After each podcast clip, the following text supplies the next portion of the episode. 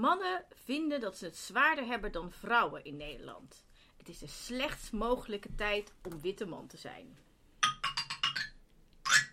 Daar zijn we weer Daar zijn we weer! met, Met hoe het allemaal misging. Met Chris. En Tink. Ja, over hoe het allemaal misging met de positie van de man. Ja, Of want met er mannen is eigenlijk. gedoe. Ja. Nou ja, eigenlijk zijn we gewoon jarig, allebei. Ja, ik wilde graag eerst even zeggen dat wij samen op dezelfde dag jarig zijn. En dat ik twee jaar ouder ben dan Tink. Ja. Eh, dat is eigenlijk het enige verschil. En we hebben nu net eh, Ons een halve, enorme taart gegeten. En we gaan het nu eh, over ons lievelingsonderwerp hebben. Ja, namelijk de, De positie van de man. Ja, oh, En ja, hoe komen wij- ze allemaal zijn. Hoe komen we daar zo op, Tante Tink? Nou, ehm, ehm, eh, ik las een column van Asja ten Broek vorige week in de Volkskrant. Ja, En dat was een reactie op een column van Sander Schimmelpenninck in de Volkskrant. de vol, bij de Volkskrant houdt men Ja. zich bezig met elkaars columns. Die op zijn beurt weer een boek had gelezen eh, van... eh, God, hoe heet hij nou ook alweer? Van een of andere man. Eh, Richard V. Reeves. En die kent dan niemand, dus dat maakt verder ook helemaal niks uit. nee, Wij hebben dit boek niet gelezen, zeg ik, maar we hebben wel de rec- ik heb de recensie van je het hebt boek toch gelezen. recensies Ja. gelezen? Ja. precies. Ja, en, en, ehm, ehm, eh, ja, en, en dit alles was weer soort of naar aanleiding van een onderzoek van één vandaag. Dat is alweer een maand oud. Een maand en een Het dag speelt oud. echt. Er zijn Het columns speelt. over onderzoeken en boeken. Ja, precies. En, en de titel van dat onderzoek, of van het artikel op een vandaag website over het onderzoek is: Mannen vinden dat ze het zwaarder hebben dan vrouwen in Nederland. Het is de slechtst mogelijke tijd om een witte man te zijn. En ik zal een beetje citeren uit het stuk. Dan Nou, weten vertel eens hoe het erg gaan het is. hebben vandaag. Want het is heel erg. Nou, kom maar op. Het gaat heel erg mis met mannen. Ehm, nou ja, van mannen uit het opiniepanel, zijn bevraagd, zeggen er 4 op de 10 dat de positie van de man momenteel onder druk staat. En het is opvallend dat minder mannen vinden dat de vrouw op dit moment moeilijk heeft. Dus, dus mannen hebben het moeilijker dan vrouwen, zeggen mensen in dit, vier van de 10 mensen in dit opiniepanel. En ehm, dat is wel een beetje raar, een beetje opmerkelijk, want Nederland stond vorig jaar nog op de 28e plaats in de Global Gender Gap Index, ver onder andere westerse landen. En de mannen die deelnamen aan het onderzoek, die voelen zich dan ook niet economisch achtergesteld, maar vervoelen de druk op hun plek in de samenleving, vooral in immateriële zaken. Ze zijn namelijk de schuld van alles. En zo hebben mannen, dus de, dus de vier op de tien mannen, sterk de indruk dat politici, media en actiegroepen de witte man wegzetten als veroorzaker van de ongelijkheid. Als heteroseksuele witte man van middelbare leeftijd zit ik in het hokje van de schuld van alles, zegt iemand. Nou, wat verder opvalt is dat vaker jonge dan oude mannen vinden dat hun geslacht het zwaar heeft. Bijna de helft, 46% van de jonge mannen van 18 tot 35, die denkt er zo over. En ongeveer 37% van de ondervraagde mannen tussen de 35 en 65 jaar. Onder de 65-plussers is dat aantal nog lager, is maar 30% van de mannen die vindt dat ze het zwaarder hebben dan vrouwen. Enfin, in gesprekken met mensen, vooral met vrouwen van mijn leeftijd, gaat het er soms hard aan toe, zegt iemand. Want ik snap het niet, want ik ben een witte man en hetero. Sommige jonge mannen, vaak nog starters op de arbeidsmarkt en op zoek naar een vaste baan, merken dat andere groepen worden voorgetrokken. Het is de slechtst mogelijke tijd om een witte man te zijn, zegt iemand. Alle andere groepen worden altijd voorgetrokken uit een soort overcompensatie. En mannen hebben het moeilijker dan ooit, maar dat is niet per se slecht. Het is alleen even schakelen, zegt iemand anders. En merkt deze persoon ook aan vrienden en mannen in zijn familie. Ehm, Nou, het is nogal wat. ja, in de toelichting van het onderzoek blijken overigens weinig vrouwen begrip te hebben voor het beklag van mannen over hun plek in de samenleving. En daar schaar ik mij ook wel onder. En nou ja, goed, dit is, dit is het dus. Dit is de aanleiding. Dit is een Mannen- onderzoek van één vandaag. Precies, en er zijn dus ook boeken. Maar, nou is eigenlijk mijn vraag die in mij opkomt. nu, als in, Er komt nu al meteen een vraag. Ja, Jawel, ja. dat- ja, nee, we proberen een klein een soort. Ja. We doen ook een soort idee bij Oh, deze ik- podcast dat we nog een klein beetje Ik spontaan doen. Ja, ja, ja. Ehm, ja. Hoe is één vandaag nou op het idee gekomen om hier een onderzoek naar te doen? Nou, goede vraag. Want ik snap eigenlijk niet zo goed. Er is eigenlijk geen aanleiding voor. Dit zijn allemaal dingen die even afgezien van of je ze nou serieus neemt of niet, Ja. die zijn structureel. Dus wat is nou de wel? reden? Hmm. Het, het, wat valt mij dan op, is dat het twee mannen zijn die dit onderzoek hebben gedaan. Ja, hoe heten die mannen? Jeroen Kester en Pim Pauwels. Of nee, er staat niet dat ze het onderzoek hebben gedaan. Oh, Zij hebben dit stuk geschreven. geschreven. Ja, precies. Die ja. hebben met die mannen gepraat en om de quotejes op te halen, zeg maar. ja. Dus ja. mannen voelen zich... Achtergesteld. Jij kijkt er ook Ja, het is wel heel interessant. Ja, weet je wat wel de grap is? Kijk, eigenlijk moet je natuurlijk dit soort dingen moet je natuurlijk eigenlijk serieus nemen. We nemen het heel serieus. En ik wilde helemaal niet van... Ja, maar de ironie is eigenlijk dat op het moment dat ik dat zeg... dat heeft al meteen een soort zeikerige ondertoon van... we nemen het helemaal niet Ja, serieus. maar het is niet voor niks onze verjaardagsaflevering. Wij Ja, mogen... ik wil daar op Ja. zich best... Ik wil me op zich daar best serieus... Ik wil er op zich best serieus Jij over praten. bent een witte man. Je Ja. bent wel homo. Ja, dat is ook fout. dat is eh, een probleem. helemaal- Maar je bent wel een witte man. Maar wat is nou... Ik snap niet zo goed... Dat, dus, hè, dan, dan, dan schrijft Sander Schimmelpenning schrijft daar een stuk over...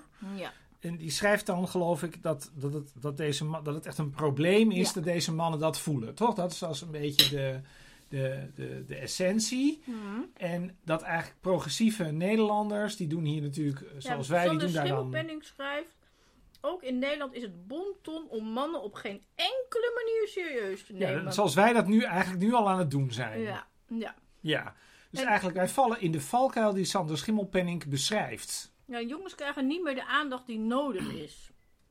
En welk alternatief hebben ze nu eenmaal? En wie naar de feiten kijkt, ziet wie werkelijk het meest onder druk staat in onze maatschappij. Jongens uit sociaal-economische zwakke gezinnen, vaak met een afwezige vader. Dat is wat Sander Schimmelpenning zegt. Ja, maar ik begrijp niet zo goed waar het over gaat. Ik merk dat ik het moeilijk vind om dit te snappen. Hm. Dus de- Nou- er, zijn, nee, maar er zijn dus mannen Ja, witte heteroseksuele mannen, meestal wat ouder. En die vinden dan. maar dat vooral dus de jongere mannen, die, vind- die vinden het het ergst. Die vinden het het ergst. Maar ah, Oké, het is is niet een leeftijdsding. Het is meer een oudere. Een, Ja. een witte, een witte, man, een witte hetero-mannen ding. Ja, een jonge dit? witte hetero-mannen. ding. Oude witte hetero-mannen vinden het ook vervelend, maar jonge witte hetero-mannen vinden het altijd vervelend. Maar wat vinden Maar- zij nou precies? Wat, wat is dan precies. En, dat, dat, dat, en dan lijkt het net alsof ik niet heb opgelet, zeg maar, als ik dat vraag. Maar, Want je hebt dat net allemaal opgelezen. ja. Maar wat stoort hun nou precies zo?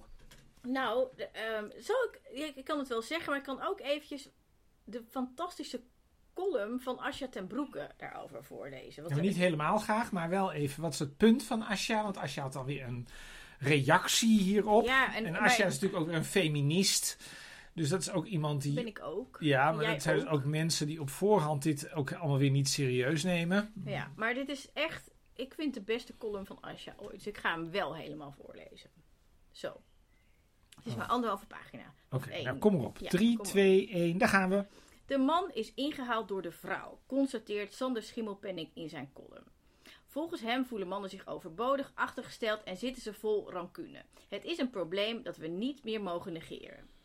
Hij baseert zich op het werk van denker en schrijver Richard Reeves, die zich zorgen maakt over de man op ongeveer dezelfde manier als eerder mannelijkheidsdenkers die zich zorgen maakten over de man.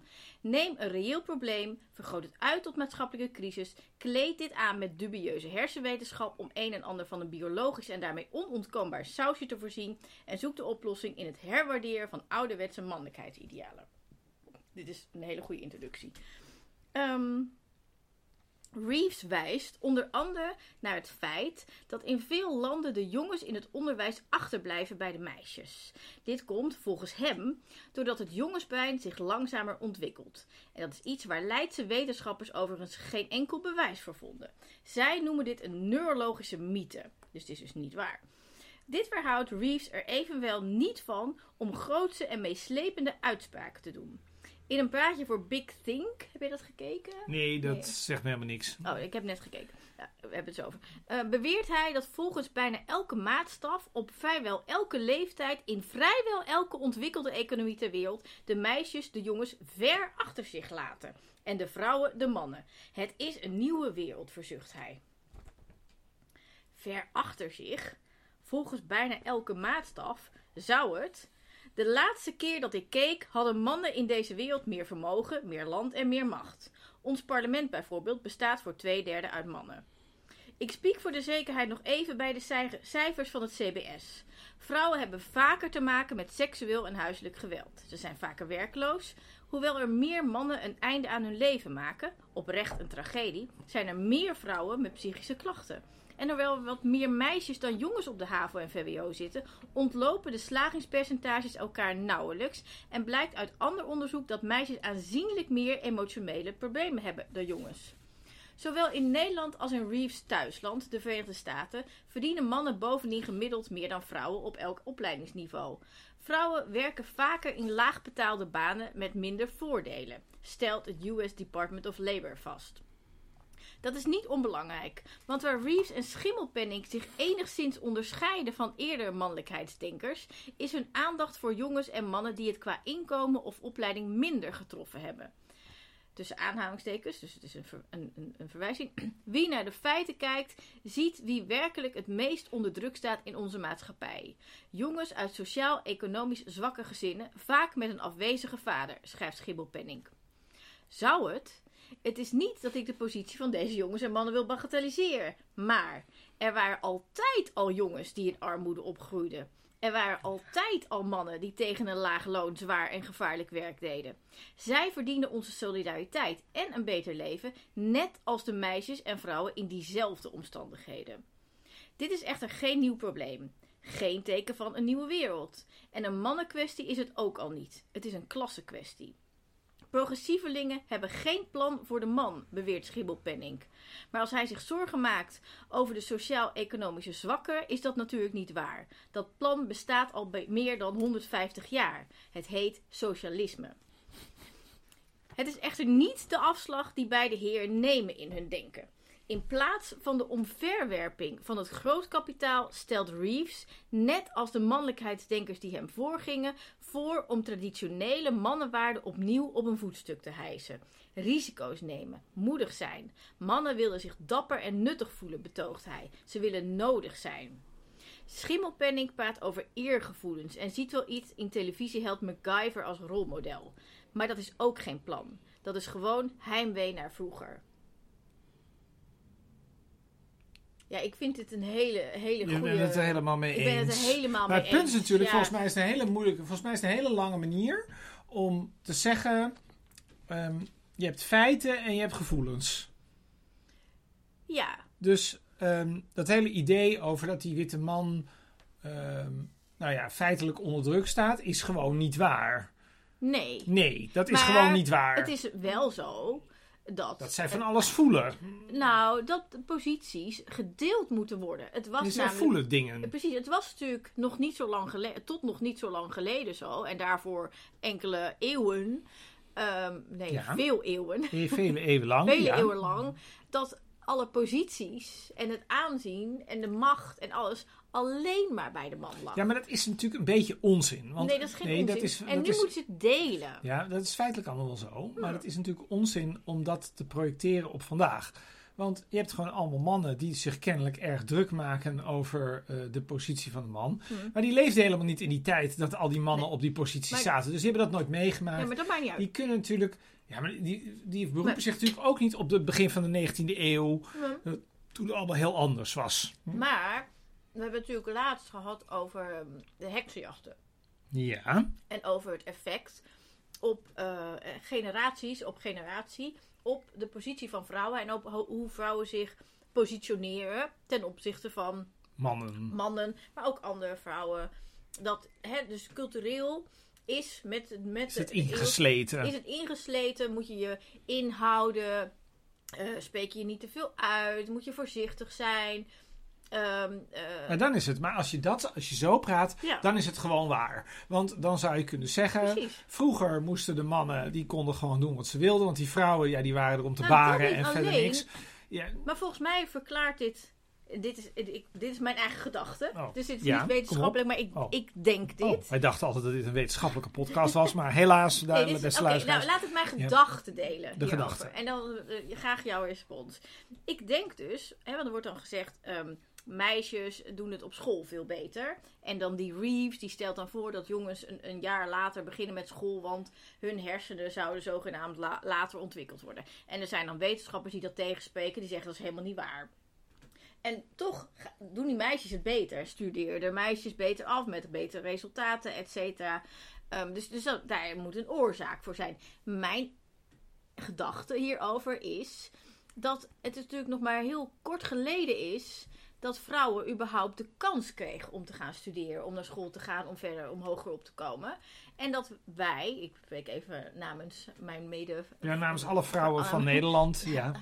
Je bent zien- daar natuurlijk de perfecte eh, eh, vertegenwoordiger van. Ja. Nee, maar op het moment dat je voor het eerst in een, na lange tijd in de geschiedenis de kans krijgt om eh, te floreren, te exploiteren, te, te, te, te zijn wie je bent, te, te, studeren, iets, weet ik veel, iets te bereiken. Die vrouwen dus, ja. die vrouwen, dan ga je daar gewoon keihard voor werken. Want het kan eindelijk. En ik denk dat dat ook, zeg maar, gewoon in onze vezelen zit, zeg maar, door Dus? de generaties. Maar wat En heeft dit dan met die mannen- mannen te maken? En mannen zijn gewend, zeker witte mannen, dat ze sowieso al voorop lopen en de kansen krijgen en de posities krijgen. Dus het wordt hen waar, aangereikt. want die waren er altijd al. Er waren natuurlijk altijd al witte mannen uit. Dat is precies wat Asja schrijft.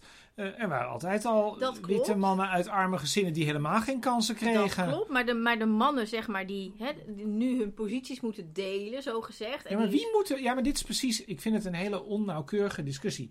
Ik, ik zou dan graag willen weten welke mannen nou precies hun positie moeten delen. Of het gevoel hebben hun positie te Ja, moeten volgens mij, maar daarom zei ik, er is een verschil tussen Nou, wel feiten. Er is een verschil tussen feiten en gevoelens. Als je zegt er zijn 30% vrouwen in, in, hè, in het parlement, Ja, zijn er nou mensen. Nee, maar nou, nou laten dat we is veel meer dan concreet. ooit. Nee, concreet. Ja. Zijn er mannen in Nederland die, Mhm. zich, die zich nu slecht voelen of zo? Ja. Omdat 30% van het parlement tegenwoordig uit vrouwen bestaat. Is dat. Op de 10 mannen, volgens het panel van één Vandaag, voelt zich achtergesteld. Ja, maar is dat. Ja, maar dit is precies. Ja, maar ik vind dat je weer op een heel soort raar soort algemeen niveau gaat zitten. Hm. Mijn vraag is dus: komt dat dan omdat een derde van het parlement op dit moment uit vrouwen bestaat? Is dat de reden? Nou, Ik denk dat. Ik denk Nee. dat wij denken van niet. nee. Nee. Maar het is natuurlijk wel zo dat steeds meer vrouwen op hogere posities zitten. Het is wel zo dat vrouwen sowieso steeds meer meedoen. En mee willen doen hun positie Dus omdat opeisen. vrouwen, omdat vrouwen, je nu ook, mondig. omdat er vrouwen zijn die, nou, het zijn er heel weinig in Nederland relatief gezien, maar in directeursfuncties bij wijze van spreken zitten of in raden van bestuur. Nee, ik denk dat het ook lager is. Ik Nee, denk dat op alle vrouwen sowieso niveaus. mondiger worden De en kans, dan ruimte opeisen. probeer het voor, voorbeeld voor voorbeeld te doen. Ja, Je gaat heel snel. sorry. De, de, dus je kunt nu een vrouw als leidinggevende hebben als man. Ja.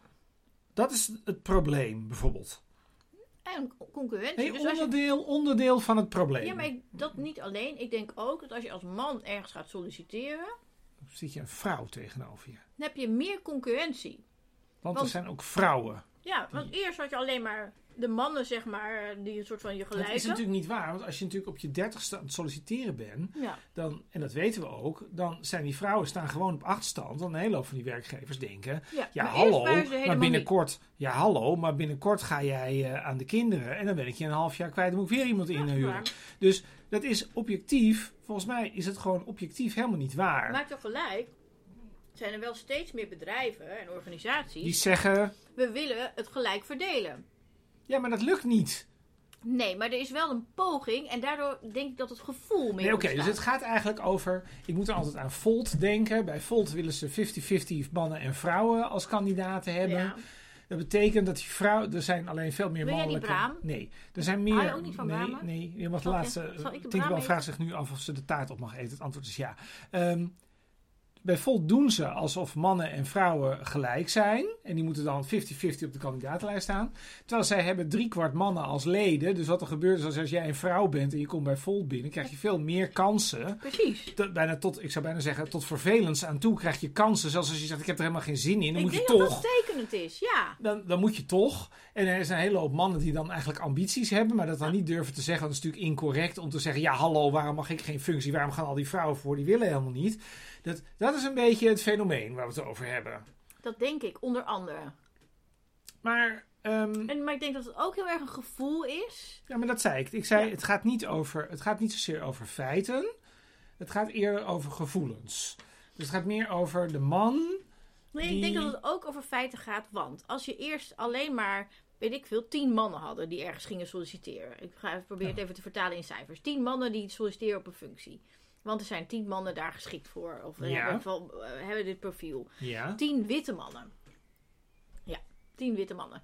En nu zijn er ineens sollicitanten voor dezelfde functie. Tien witte mannen. Vijf witte vrouwen. En dan nog eh, vijf mensen van kleur. Ja, maar volgens mij wat jij nu doet, is En jij dan- verdubbelt nu. Nee, maar dit, dit, dit is precies, dit hier gaat precies al fout. Want wat jij nu doet in gedachten is jij verdubbelt de grootte van de arbeidsmarkt. Ja. Wat er gebeurd is, is dat er dan bijvoorbeeld nu in plaats van tien witte mannen, vijf witte mannen, drie vrouwen en twee mensen van kleur eh, solliciteren. En dan zou je kunnen denken, nu komt hij, dan dat zijn die, we bij dat het vrouwen gevoel. of mensen van kleur, of het liefst een vrouw van kleur, het meeste Als die er nou, heeft. nee, dat als die er niet waren geweest, Ja, precies. of niet mee hadden gedaan, dat, Dat- jij dan meer kans had gehad. Terwijl Ja. het waren er nog steeds gewoon tien. Ik denk dat daar, dat klopt. Dus, en dit is het probleem. En ik denk dat het ook klopt dat veel bedrijven, maar volgens mij is dat toch meer in een soort hoogopgeleid segment, denk ik, ehm, toch graag diversiteit in hun organisatie willen. En dan toch gaan kijken. Ja, maar dit is precies waar het, waar het om gaat. Volgens mij die diversiteit. Ja. Een hele hoop van die hoger opgeleiden die vinden het allemaal sowieso geen probleem, die diversiteit. En in die organisaties waar heel veel praktisch opgeleiden werken, daar hebben ze dat streven minder. En daar is die concurrentie ook minder. ja, volgens mij. Dus ja, dan kunnen ze daar wel naar streven. Maar dat levert dan toch meer het gevoel op dat je niet meedoet. Dan dat het nou echt je kansen verkleint. Ja, te- ja behalve natuurlijk voor al die progressievelingen. Die allemaal, maar ja, die, die, die kletsen de hele tijd met het progressieve gedoe ook mee. Snap je? voel jij je onderdrukt door vrouwen? Nee. Ooit?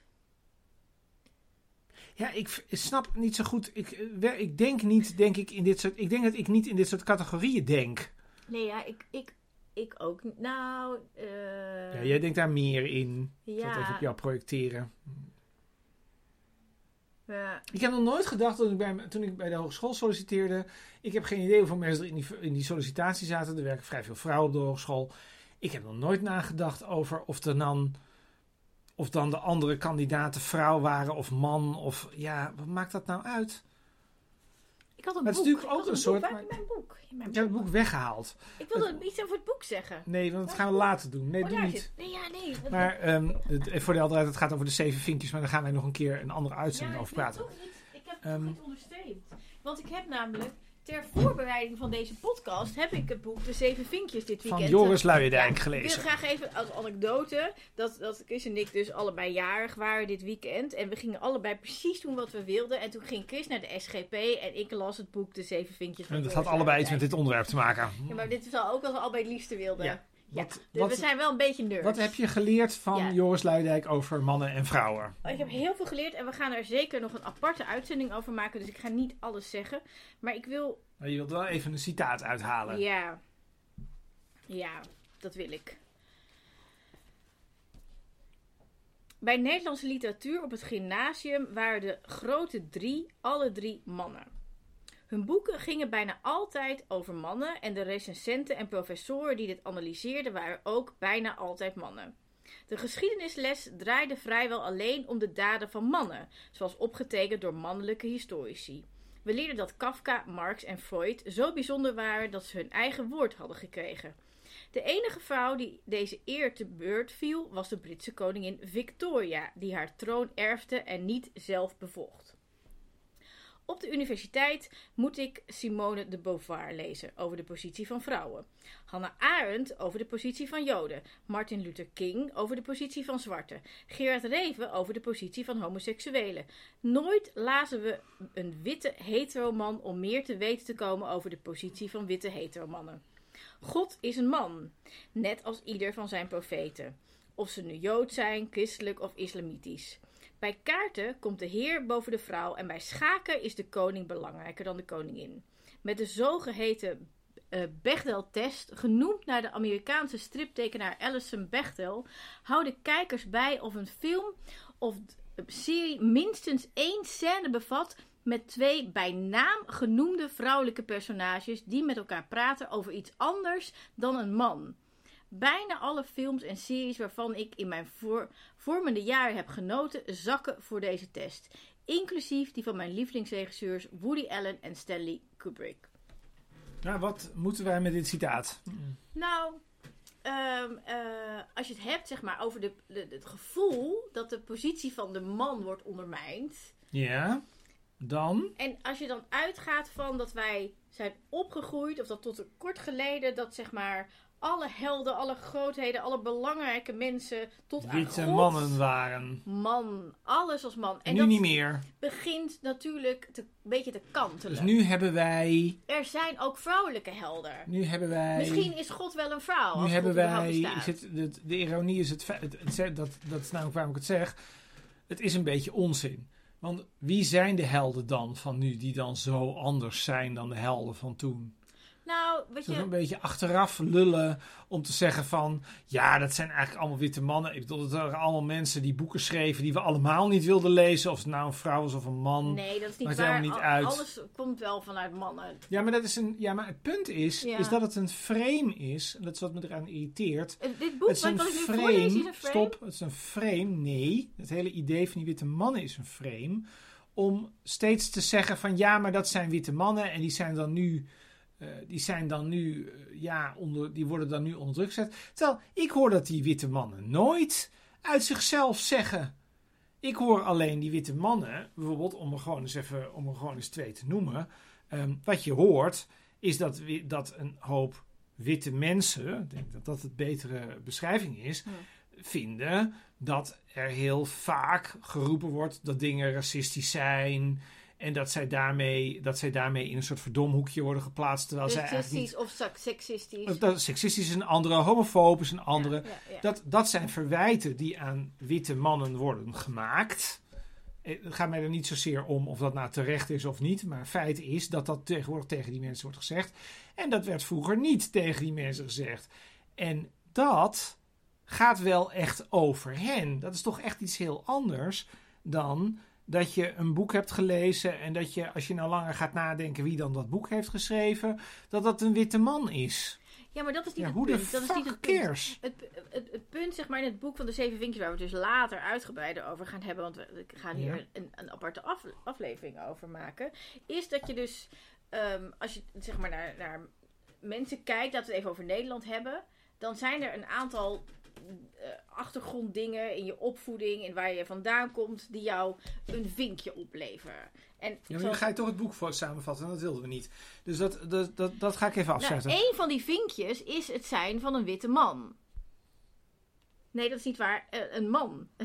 Wit is een apart vinkje. Dus, dus ik ga toch de vinkjes oplezen. Met- Nee, stop.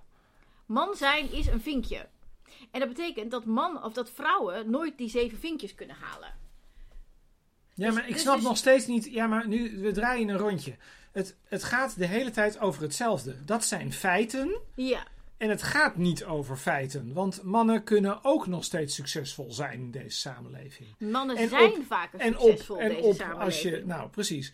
Dus daar gaat dit helemaal niet over. En toch voelen kennelijk Ja, maar vier mensen kunnen zoveel, maar worden het... mensen daar misschien niet genoeg in tegengesproken? Waarom begint een vandaag? Daar kwam mijn vraag vandaan aan het begin. Waarom stelt een vandaag hier überhaupt vragen over? Dat is een goede vraag. Ik zou het werkelijk niet weten. Er is geen enkele aanleiding om dit te verbijzonderen. Het hele punt is, ik kom altijd terug bij hetzelfde. Wij hebben in Nederland hebben wij de slechte traditie dat wij niet weten wat in de grondwet staat. Dat geldt in de multiculturele samenleving is dat altijd het duidelijkst. Hmm. In de multiculturele samenleving praten wij altijd alsof mensen met een migratieachtergrond minder zijn dan mensen die geen migratieachtergrond hebben. Ja, en dat Alsof is dat niet zo. Verschillende soorten Ja, Nederlanders maar zijn. zo behandelen we mensen wel. En zo behandelen ze ook. Ja. En dat is niet zo. En dat is natuurlijk. Eigen, dat is natuurlijk. Ja, ik bedoel, vroeger had je natuurlijk. De, wat was En dat weer? geldt Het vrouwen. vrouwen. Nou ja, vrouwen, vroeger had je. een- migratieachtergrond, homo's. Ja, maar er zijn gewoon. Maar feitelijk is er gewoon een gelijk speelveld. En ja, dan In- sommige mensen vinden het. ja. Ja. dus in theorie is er een gelijk Ja, speelveld. niet, niet gelijke kansen. en in de perceptie ehm, zeggen vrouwen en ook allerlei andere minderheden zeggen. eh, nou ja, wij worden eigenlijk achtergesteld. Ja, En daar kunnen die witte mannen niet tegen. Zoiets. Nou ja, dat Maar het ineens wordt dat benoemd. Dat is Ja, wat maar is benoemd. ook natuurlijk een punt Witte over... mannen kunnen er natuurlijk niks aan doen dat ze een witte man zijn. En nu ineens worden ze erop gewezen dat ze een witte man bij- eh, zijn. En daarmee dus een streepje voor hebben. En dat wordt denk Ja, maar dat ik hebben ze heel vaak op individueel niveau helemaal niet. En dat is natuurlijk het hele punt. Dat hebben ze wel. Nee, dat maar hebben dat ze betekent niet. niet dat ze alle streepjes voor hebben. Nee, dat hebben ze niet.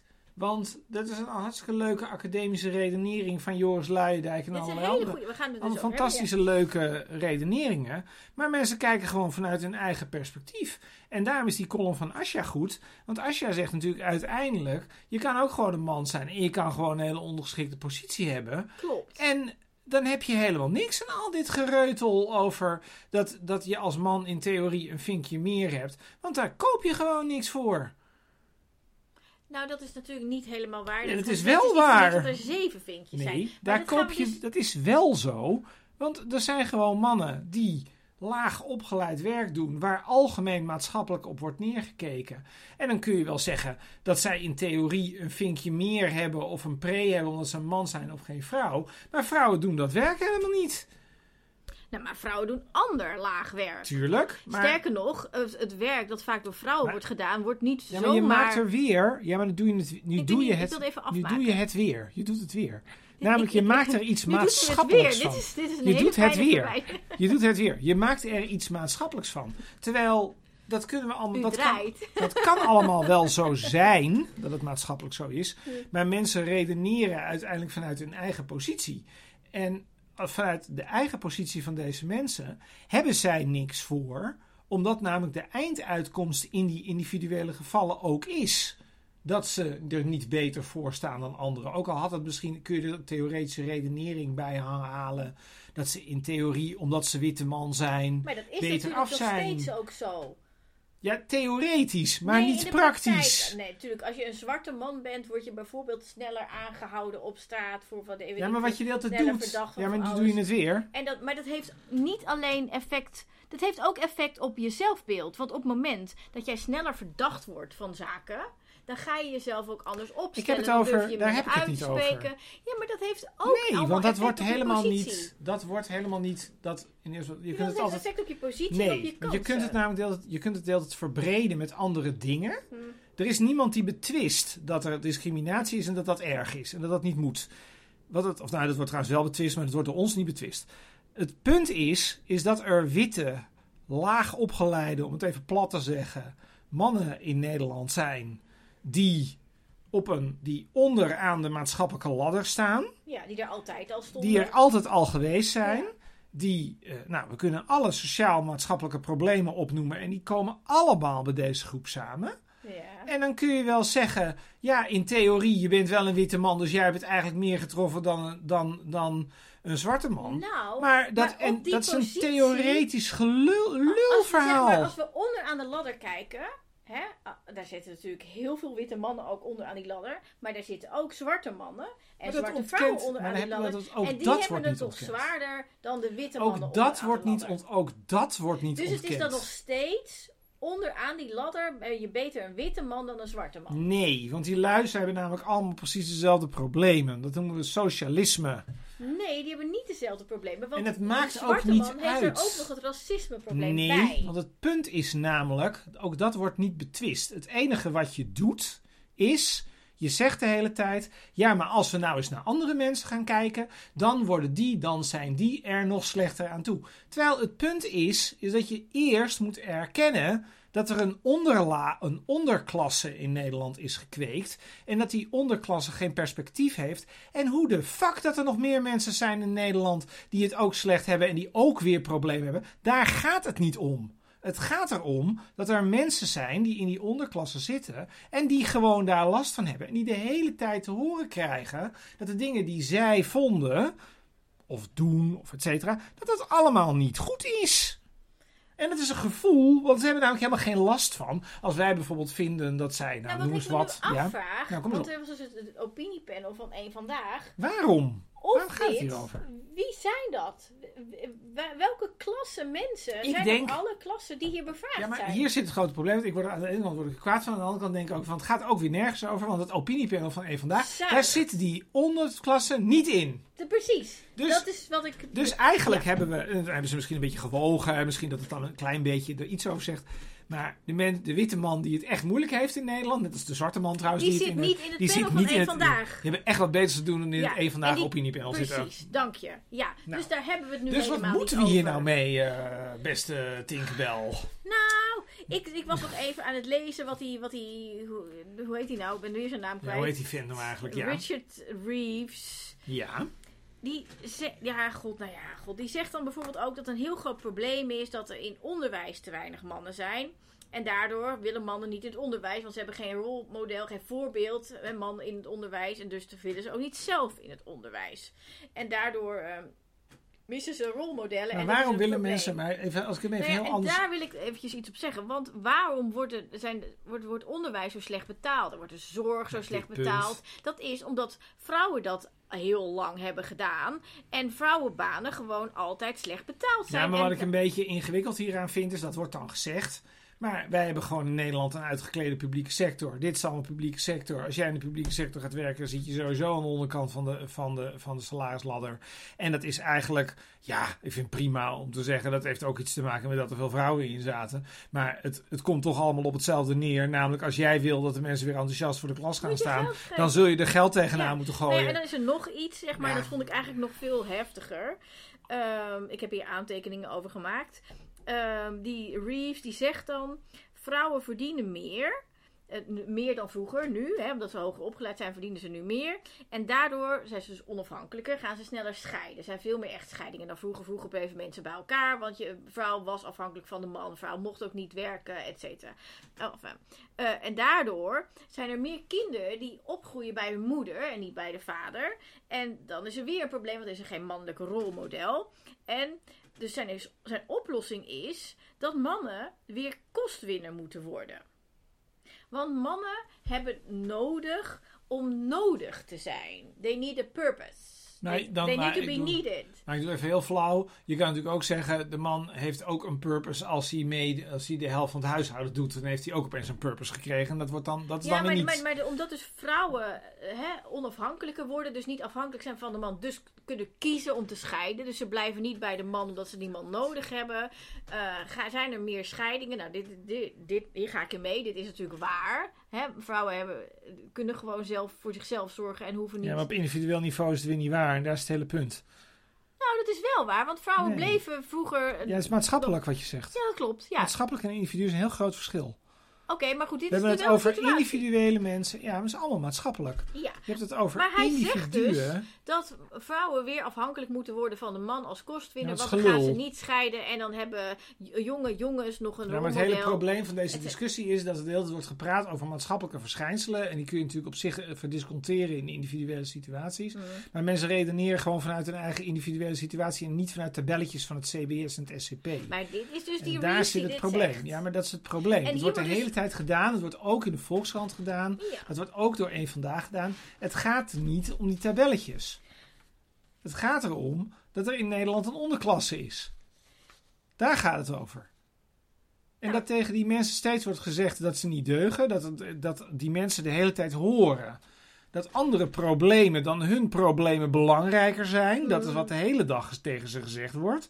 Want we zijn bezig met racisme, Zwarte Piet, Europa, klimaat met op stip op één, eh, stikstof, et cetera. Het gaat nooit over wat deze mensen nodig hebben. Het gaat nooit over. En dat is dus ook wat Asja schrijft. Het heet socialisme. Hadden we in Nederland maar Ja. een normale sociaal-democratische dat kan partij. dus niet bij één vandaag. En dat komt ook niet bij Sander Schimmelpenning op. En dat komt ook niet bij de Richard Reeves. Dus deze, dit, dit, deze mannen die denken dat mannen zielig zijn. Of die claimen dat mannen zielig zijn. Of een probleem hebben op zijn minst. Die zijn alleen maar met zichzelf bezig.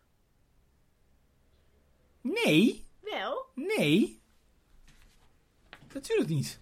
nou mensen ja, kunnen met toch gewoon een analyse in- maken van hun eigen. Mensen kunnen toch gewoon een nou, analyse zichzelf- maken van hun eigen situatie. met zichzelf, maar hun Waarom eigen gro- groepie. Maar waarom zouden ze. Maar, ja, maar de vraag is ook, daarom zei ik, waarom, hoe weten we nou eigenlijk dat dit überhaupt speelt?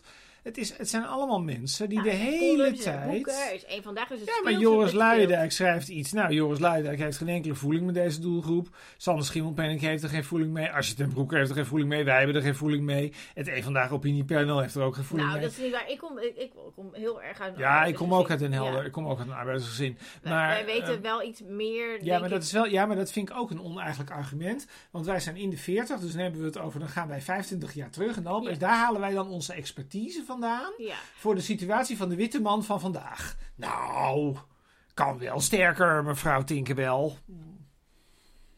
Nee, ik bedoel, het is meer dan niks.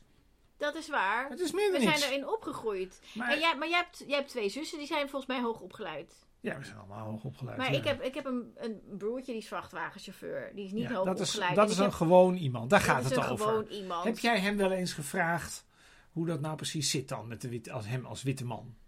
Ja, nou, die, ik denk dat hij het helemaal eens is met één vandaag. Nou, wat is dan maar mijn punt is, en dat vind ik dus dat is het probleem Hij van dit soort alles gezeur. Het en- probleem van dit soort opinieonderzoek en ook van dit soort discussies is, er wordt niet met die mensen gepraat. Het wordt heel het is over hen. De vraag is, waar hebben zij nou precies last van? En wat wij de hele tijd aan het doen zijn, is, we zijn allerlei dingen erbij aan het halen, aan het gokken, van hoe deze mensen dat dan precies zouden zien. Ja. Terwijl ik denk dat deze mensen helemaal geen last hebben van het feit dat vrouwen in heel veel functies zitten, want daar zijn die mannen zelf helemaal niet. Bijvoorbeeld. Maar dat weet ik niet. Dat is ook weer een gok over hen.